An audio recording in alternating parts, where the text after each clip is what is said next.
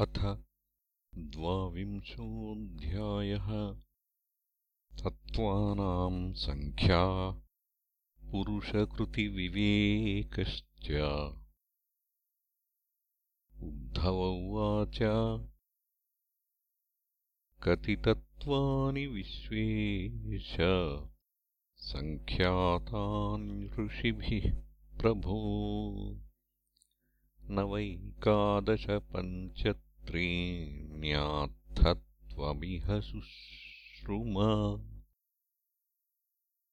केचित् षड्विंशतिम् प्राहुरपरे पञ्चविंशतिम्। सप्तैके नवषट् केचिच्च एकादशापरे केचित् सप्तदश प्राहुः षोडशैके त्रयोदश एतावत्त्वम् हि सङ्ख्यानाम् ऋषयो यद्विवक्षया। गायन्ति पृथगायुष्मन्निदम् नो वक्तुमर्हसि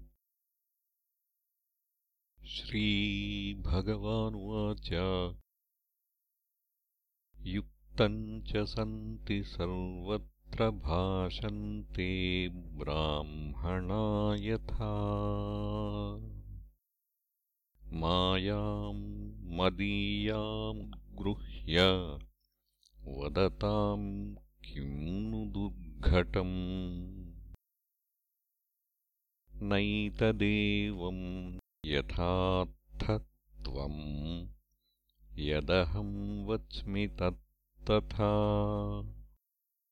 एवम् विवदताम् हेतुम् शक्तयो मे दुरत्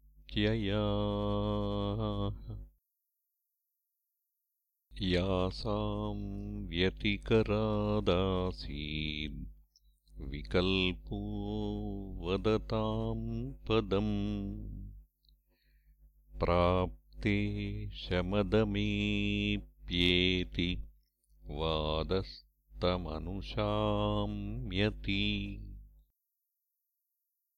परस्परानु प्रवेशात्तत्त्वानाम् पुरुषर्षभा पौर्वापर्यप्रसङ्ख्यानम् यथा वक्तुर्विवक्षितम् एकस्मिन्नपि दृश्यन्ते प्रविष्टानीतराणि च।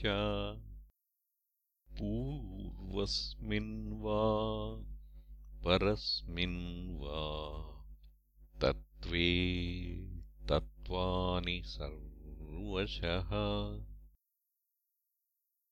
पौर्वापर्यमतो मीशाम् प्रसङ्ख्यानमभीप्सताम्। यथा विविक्तम् यद्वक् गृह्णीमो युक्तिसम्भवात् अनाद्यविद्यायुक्तस्य पुरुषस्यात्मवेदनम् स्वतो न सम्भवेदन्यः तत्त्वज्ञो ज्ञानदो भवेत्। पुरुषेश्वरयोरत्र न वैलक्षण्यमण्वपि तदन्यकल्पनापार्थाज्ञानम् च प्रकृतेर्गुणः। प्रकृतिर्गुणसाम्यम् वै प्रकृतेर्नात् मनो गुणाः सत्त्वम् रजस्तम इति स्थित्युत्पत्त्यन्तहेतवः सत्त्वम् ज्ञानम् रजः कर्म तमो ज्ञानमिहोच्यते। गुणव्यतिकरः कालः स्वभावः सूत्रमेव च पुरुषः प्रकृतिर्व्यक्तमहङ्कारो नभोनिलः ज्योतिरापहक्षितिरिति तत्त्वान्युक्तानि मे नव।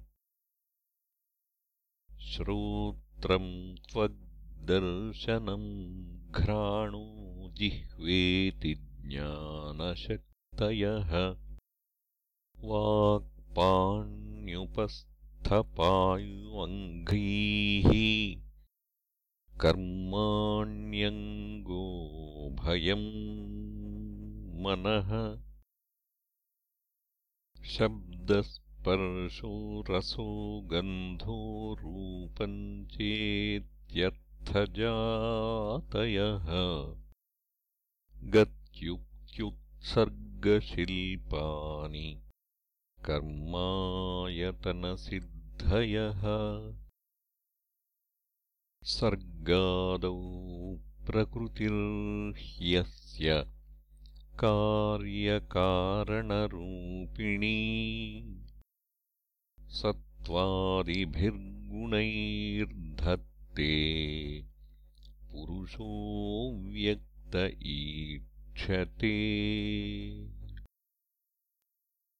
व्यक्तादयो विकुर्वाणाधातवः पुरुषेक्षया लब्धवीर्याः सृजन्त्यण्डम् संहताः प्रकृतेर्बलात्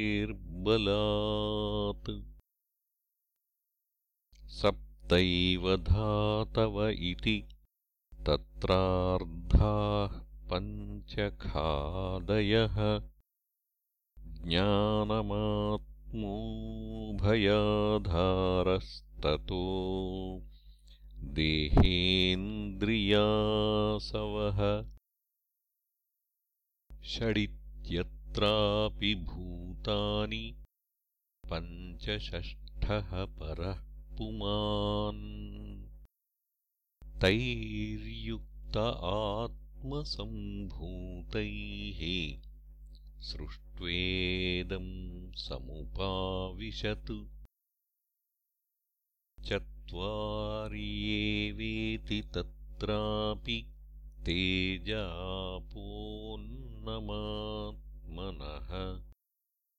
जातानि तैरिदम् जातम्। जन्मावयविनः खलु। सङ्ख्याने सप्तदशके भूतमात्रेन्द्रियाणि च पञ्चपञ्चैकमनसा। आत्मा सप्तदशः स्मृतः। तद्वत् षोडशसङ्ख्याने। आत्मैव मन उच्यते। भूतेन्द्रियाणि पञ्चैव मन आत्मा त्रयोदश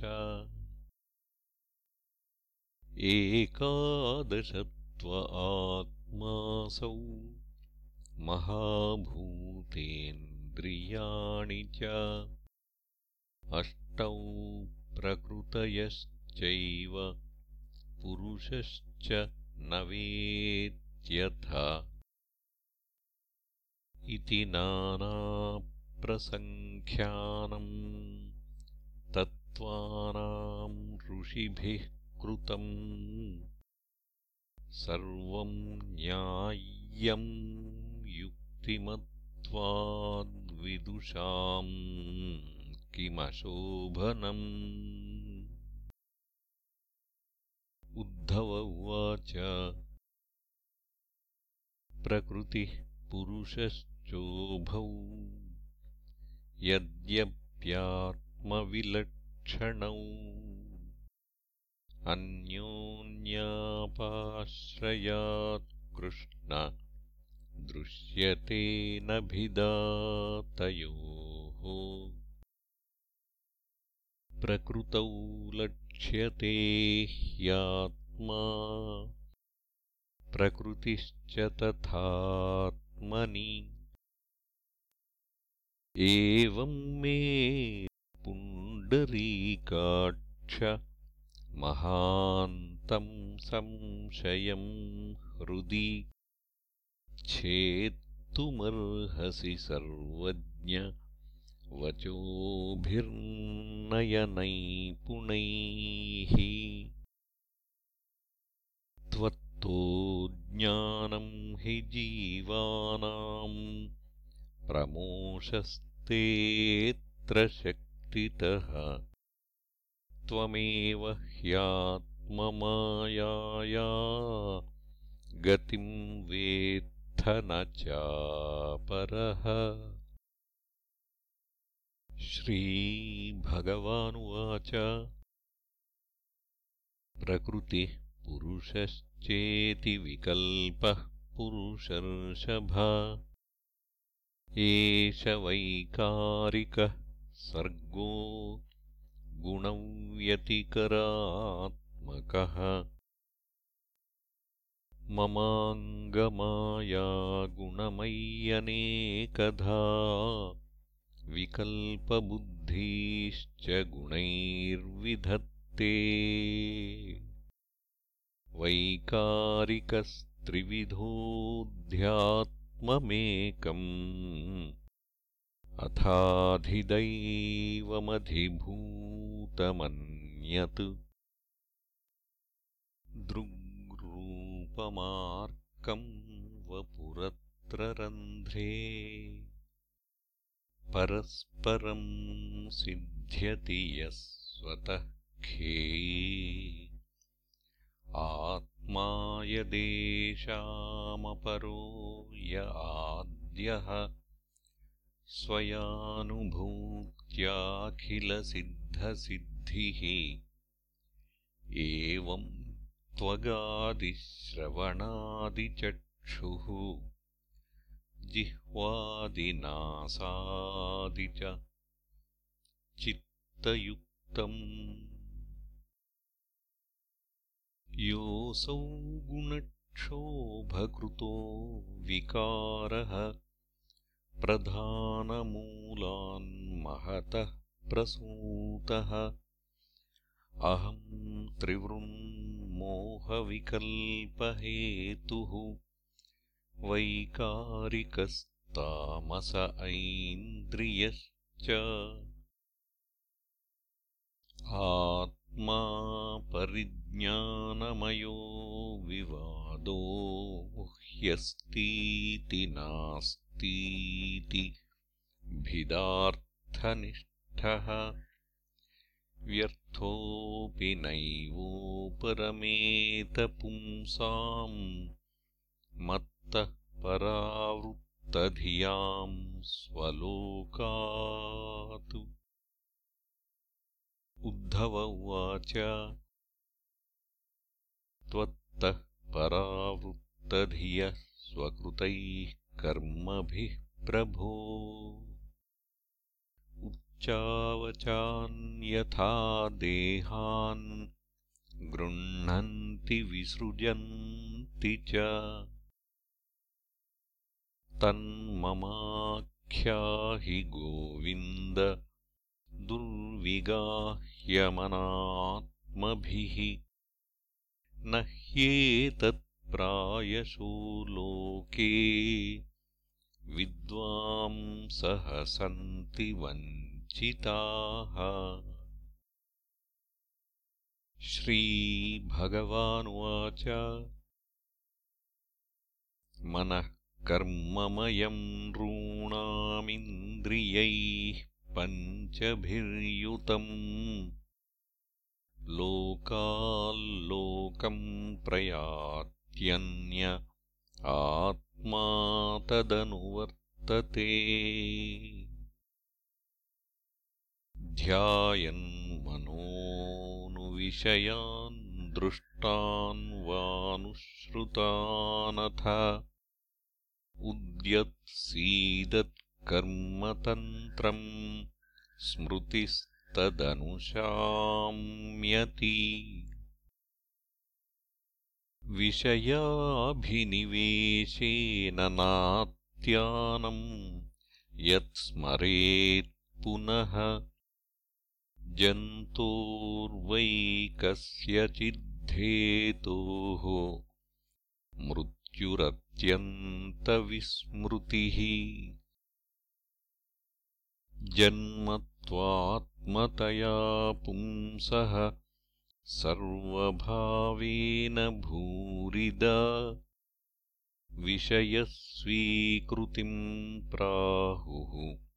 यथा स्वप्नमनोरथः। स्वप्नम् मनोरथम् चेत्थम् प्राक्तनम् न स्मरत्यसौ तत्र पूर्वमिवात्मानमपूर्वम् चानुपश्यति। इन्द्रियायनसृष्ट्येदम् त्रैविध्यम् भाति वस्तुनि बहिरन्तर्भिदा हेतुः जनो सज्जनकृद्यथा।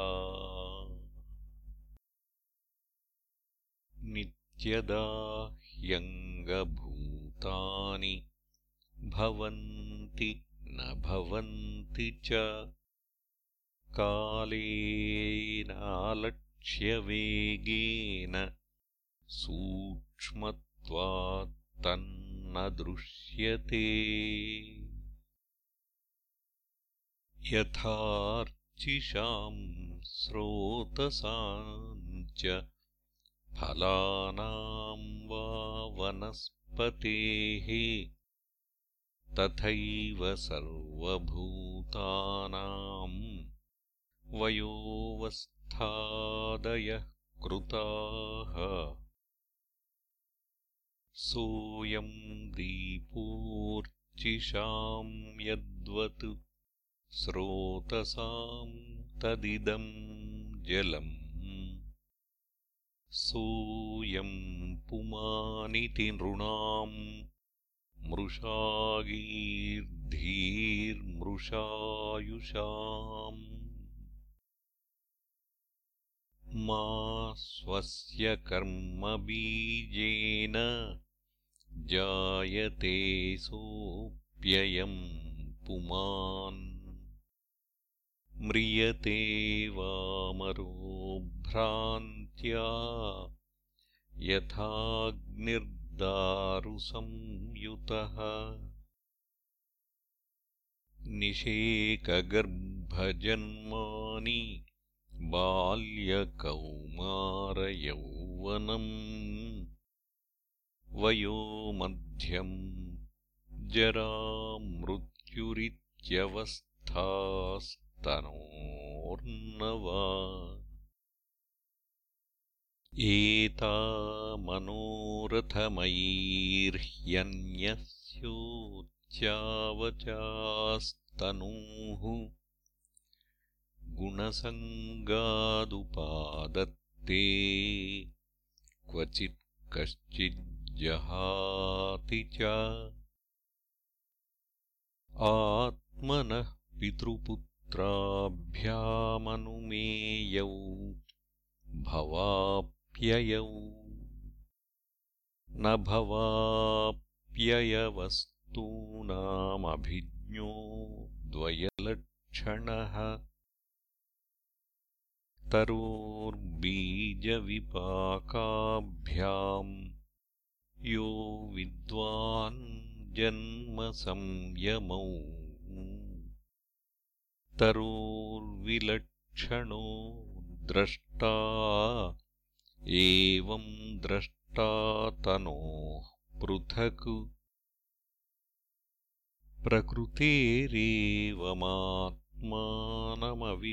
प्रकृतेरेवमात्मानमविविच्याबुधः पुमान्। तत्त्वेन स्पर्शसम्मूढः संसारम् प्रतिपद्यते। सत्त्वसङ्गादृशीन् देवान् रजसासुरमानुषान् तमसा भूततिर्यक्त्वम् भ्रामितो याति कर्मभिः। नृत्यतो गायतः पश्यन् यथैवानुकरोति तान्। एवम् बुद्धिगुणान् पश्यन्ननीहोऽप्यनुकार्यते यथाम्भसा प्रचलता तरवोऽपि चला इव। चक्षुषा भ्राम्यमाणेन दृश्यते भ्रमतीव यथा मनोरथधियो विषयानुभवो मृषा स्वप्नदृष्टाश्च दाशार्ह तथा संसार आत्मनः अर्थे ह्यविद्यमानेऽपि संसृतिर्न निवर्तते ध्यायतो विषयानस्य स्वप्नेनर्थागमो यथा। तस्मादुद्धवमा भुङ्क्ष्व विषयानसदिन्द्रियैः आत्माग्रहणनिर्भातम् पश्य वैकल्पिकम् भ्रमम्। क्षिप्तोऽवमानितोऽसद्भिः प्रलब्धोऽसूयितोऽथवा ताडितः सन्निबद्धो वा वृत्त्या वा परिहासितः। निष्टितो मूत्रितो वाज्ञैर्बहुधैवम् प्रकम्पितः। श्रेयस्कामः कृच्छ्रगत आत्मनात्मानमुद्धरेत्। उद्धव उवाच यथैवमनुबुध्येयम् वदनो वदताम् वर।